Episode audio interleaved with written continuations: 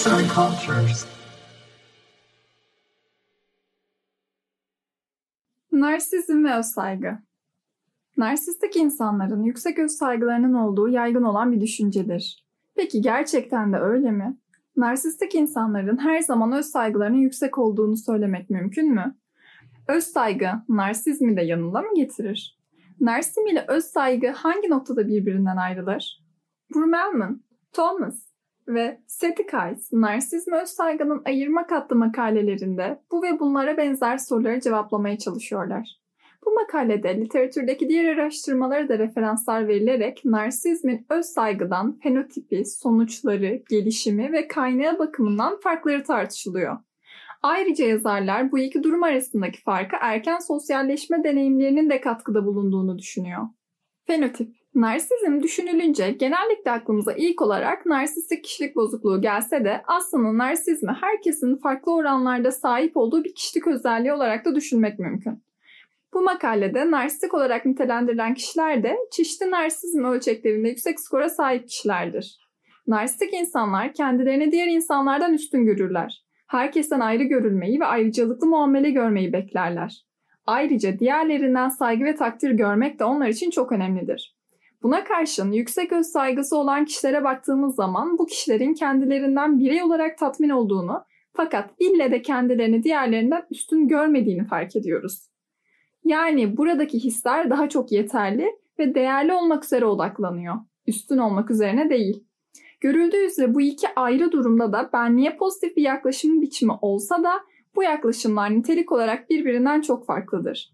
Nitekim diğer araştırmalar da bu ayrı fenotipe paralel olarak narsizm ile öz saygı arasındaki korelasyonun zayıf ile orta arasında olduğunu gösteriyor.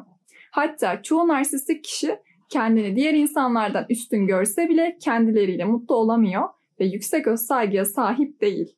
Sonuçlar Özellikle sonuçlar açısından narsizm ile öz saygı arasındaki fark sosyal alanlarda daha belirgin oluyor. Narsistik kişilerin ilişkileri olan yaklaşımına baktığımız zaman motivasyonlarının diğerleriyle derinlikli yakın ilişki kurmaktan çok diğerlerini domine etmek, üste çıkmak ve başkalarını kullanarak sosyal statü elde etmek olduğunu görüyoruz. Yüksek öz saygısı olan kişilere baktığımız zaman da bunun tam tersi olarak insanları domine edip üste çıkarak kendi faydaları için kullanma isteğinin değil de yakın ve derinlikli ilişki kurma isteğinin daha fazla olduğunu görüyoruz. Burada akla gelebilecek sorulardan biri de narsistik biri olmak en azından iyi hissettirmez miydi olabiliyor. Bir ihtimal iyi hissettirebilir çünkü araştırmalara göre narsizm, mutluluk, düşük seviyelerde depresyon, anksiyete ve yalnızlık ile ilişkili. Fakat yine araştırmalara göre bu pozitif ilişki yalnızca narsizme yüksek özsaygının eşlik ettiği durumlarda ortaya çıkıyor. Gelişim Narsizm ve öz saygı geç çocukluk dönemlerinde özellikle 50 yaştan itibaren ortaya çıkmaya başlıyor. Aynı dönemde ortaya çıksalar da gelişimsel olarak izledikleri yollar birbirinden farklı oluyor. Narsizm adolesan döneminde en yüksek noktaya çıkıyor ve yetişkinlikle birlikte kademeli olarak azalıyor. Buna karşın öz saygıya baktığımız zaman adolesan döneminde en düşük olduğunu ve yetişkinlikle birlikte kademeli olarak arttığını görüyoruz. Kaynak Narsizm öz saygının gelişiminde önemli olan faktörlerden biri de farklı sosyalleşme deneyimleri. Narsizmi besleyen önemli bir sosyalleşme faktörü de ebeveynlerin çocuklarının herkesten çok özel olduğunu ve ayrıcalıklı muamele görmeyi hak ettiğini düşünmesi. Bu ebeveynler çocuklarının zekasını, bilgisini ve de yeteneklerini abartıyorlar ve zamanla bu sosyalleşme deneyimleri çocukların bu düşüncelerini içselleştirmesine ve bir ihtimal kendini herkesten özel ve üstün hissedip narsistik olmasına sebep oluyor.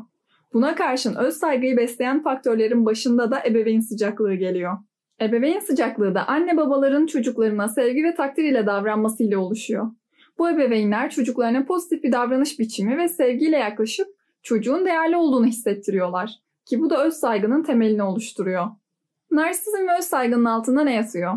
Başta ebeveynlerimiz olmak üzere bizim için yakın ve önemli olan kişilerin bize davranma biçimlerini içselleştiririz.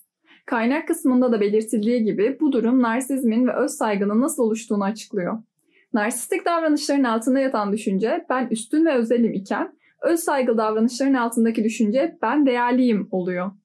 Yazarlar bireylerin narsizmi ve öz saygıyı kendi sahip oldukları özelliklerinin değil de diğerlerinin onlar hakkındaki düşüncelerine olan bakış açılarından türettiklerini düşünüyor.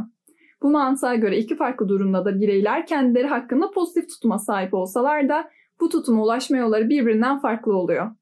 Narsistik kişiler kendilerini hiyerarşik bir biçimde diğerleriyle karşılaştırıp kendilerini üstün görürken öz saygılı kişiler diğerleriyle olan ilişkilerini hiyerarşik olmayan bir biçimde şekillendirip kendilerini değerli görüyorlar.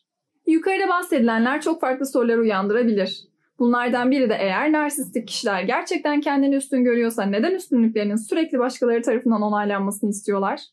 Bu soruya verilmiş popüler cevaplardan biri aslında derinlerde bir yerde narsistik kişilerin kendilerinden hoşlanmadıkları olduğu olsa da araştırmalar bu durumun çoğu zaman geçerli olmadığını gösteriyor. Yazarlar bu durumu daha farklı bir biçimde açıklıyor. Narsistik kişiler bu onayı sürekli almaya çalışıyorlar çünkü üstünlük hisleri kırılgan bir zemin üzerine yerleştirilmiş durumda. Özellikle de öz saygıya kıyasla. Herkesin değerli olması görece daha kolayken herkesin üstün olması daha zor. Bu da kırılgan bir üstünlük anlayışına sebep olup sürekli ona ihtiyacını yaratıyor. Bir diğer soru da narsistik kişilerin dışsal onayı almakta başarılı olup olmadıkları. İlk tanışma ve kaynaşma evrelerinde çekici oldukları için insanlar tarafından onaylanıp ilgi görseler de ilişkiler derinleşmeye başladıkça zorlayıcı yapıları ve kendilerini insanlardan üstün görme ihtiyaçları açığa çıktıkça çaresizce ihtiyaç duydukları onayı kaybetmeye başlıyorlar.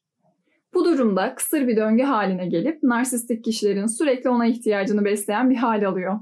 Yazan İlknur, seslendiren Esra Yılmaz.